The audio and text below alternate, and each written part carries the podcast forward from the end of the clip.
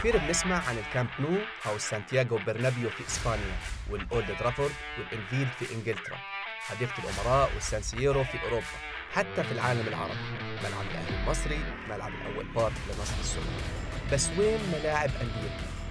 ليش ما في ملاعب للفيصلي والوحدات؟ هذا الحكي كيف بيأثر على إيراداتهم والإحتراف والبطولات اليوم راح نحكي رياضة بس مش بطريقة تقليدية. مين فاز مين خسر مين ملك البطولات أو زعيمها ولا ماردها. اليوم بدنا نحكي رياضة بس على طريقة الأعمال أو البزنس. ولا نادي في الأردن عنده ملعبه الخاص فيه اللي ممكن يلعب عليه مبارياته ويحقق من خلاله أرباح في يوم المباراة أو من خلال الاستثمارات جوا الملعب.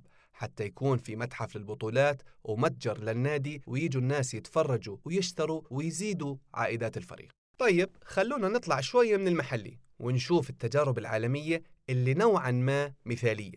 بعدها بنرجع للمحلي ونشوف شو عنا إمكانيات نطور أداء الأندية ماليا حتى تتطور على صعيد كرة القدم. تقرير شركة ديلويت للتدقيق المحاسبي عن أداء كرة القدم المالي عن 2023 بيحكي إنه إيرادات يوم المباراة بس وصلت لمليارين و43 مليون يورو في موسم 2021-2022 900 مليون يورو تقريبا جاي من الدوري الإنجليزي لحاله و410 ملايين في الدوري الإسباني. وهي دوريات تحسنت إيراداتها بعد الضربة اللي تعرضوا لها خلال موسم جائحة كورونا. طبعا هاي الإيرادات من يوم المباراة جاي من حق التذاكر المبيعات الرعايات وكمان في أندية بتقدم خدمات الضيافة لبعض المشجعين. وهلأ بنحكي بالتفصيل عن كل واحدة أول شيء وأهم شيء بالنسبة للنادي هو تذاكر يوم المباراة. وكل نادي حر بتحديد سعر تذكرة المباراة على أرضه قياسا بحجم الملعب قوانينه مكان قعدة الجمهور وهون بنذكر أن الدوري الإسباني في أحسن أماكن جلوس بس الدوري الإنجليزي هو أغلى سعر تذاكر في أوروبا. المبيعات يوم المباراة هاي بتيجي من خدمات الطعام والشراب وأي أغراض بتخص النادي واستخدام أي وسائل مدفوعة وأي إيرادات بتيجي للنادي يومها. كمان في رعايات ليوم المباراة وهي زي الإعلانات اللي بتكون على أطراف الملعب واليوم مع اللوحات الإلكترونية زادت قيمتها وتعددت الإعلانات أكثر من زمان بكثير.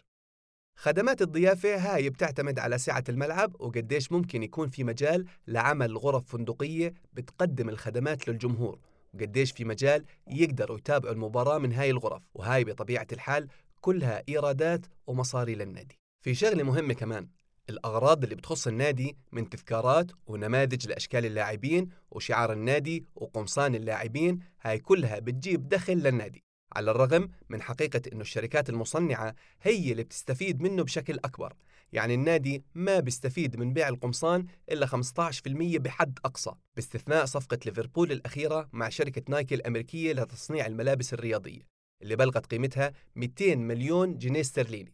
حصة ليفربول منها كانت 20% من المبيعات مش من الأرباح.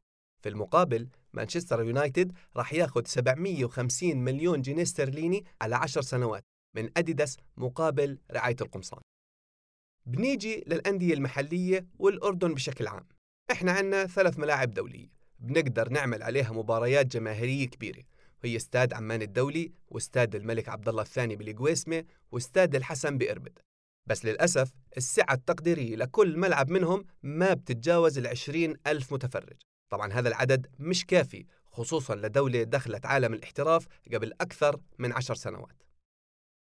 هذا النقص في عدد ملاعب الدولة بنعكس بطبيعة الحال على الأندية اللي ما عندها ملاعب خاصة فيها تعمل عليها مباريات ويكون عندها أساس استثماري وخطة أعمال واضحة ونماذج للتطوير ينبنى عليها أفكار بتحسن من مستوى النادي المالي. وبتخليه ينافس على مستوى الإقليم والمستوى الآسيوي والمستوى العالمي في مرحلة لاحقة.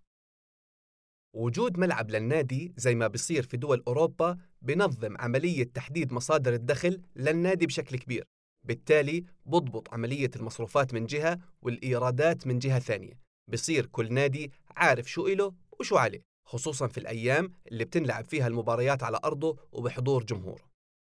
بأبسط الطرق ممكن النادي يتعاقد مع أحد المستثمرين على شراء قطعة أرض وتطويرها مقابل اتفاق معين بتضمن إما حصة من أرباح التذاكر لفترة من الزمن أو منحه حق تشغيل مرافق النادي من طعام وشراب ومتجر النادي أو منحه جزء من الإعلانات والرعايات سواء بأيام المباريات أو على القمصان وحتى ممكن جزء من أرباح المشاركة في البطولات. طبعا هاي كلها اقتراحات مبدئية لكن قد تكون أساس للدخول في عالم أعمال كرة القدم.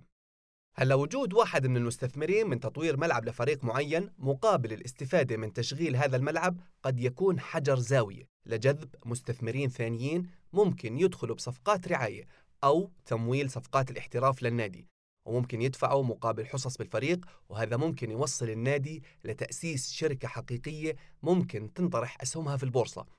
هذا الحكي برأيي بخفف عنف ومشاكل في الملاعب لأنه الناس ببساطة راح تصير تفكر بالربح والخسارة وتخاف تدفع غرامات تأثر على إيراداتها في آخر السنة. نيجي لمتجر النادي. هذا الشيء إحنا بنفتقده في الأردن. ما شفت ولا نادي عنده متجر عليه إقبال حقيقي أو عنده صفقات رعاية لقمصانه بشيء ملفت. حتى ما بشوف قمصان عليها أرقام لأسماء اللاعبين وللأمانة حتى بالملعب ما بشوفها. ويبدو هذا الحكي جزء منه توفير على خزينة النادي لحتى ما يظل الرقم للاعب محدد وبعدين ينباع ونرجع نطبع الرقم من جديد للاعب جديد. طبعا هذا الحكي غلط. لازم تشتغل الأندية على صناعة نجوم شراء نجوم وينشغل عليهم حملات علاقات عامة social media وبنفس الوقت يكون في عقود رعاية إلهم.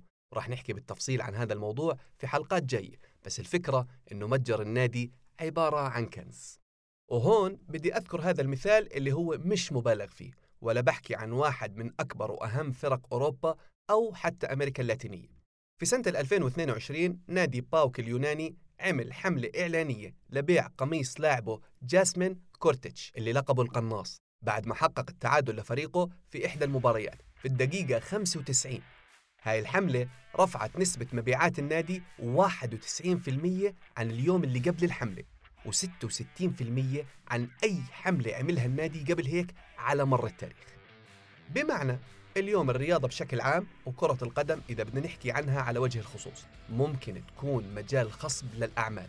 وفي الأردن على الرغم من كل هاي السنوات في تأسيس النوادي والرياضات والاتحادات إلا إنه إحنا لسه أرض بكر للرياضة وعندنا مجال للتطوير والتحسين والاستثمار. الشغلة مش سهلة. ويمكن بدها رأس مال مغامر.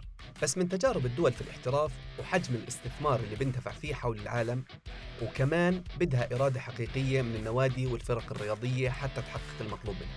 من خلال ملعب احترافي دولي بزيد إقبال الناس على المتابعة.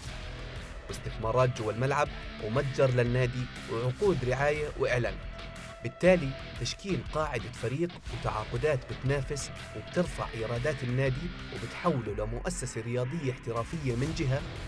من جهة ثانية مصدر لدخل واستثمار في سوق بحاجة لأفكار وفيها مجال كبير للتطور والاستثمار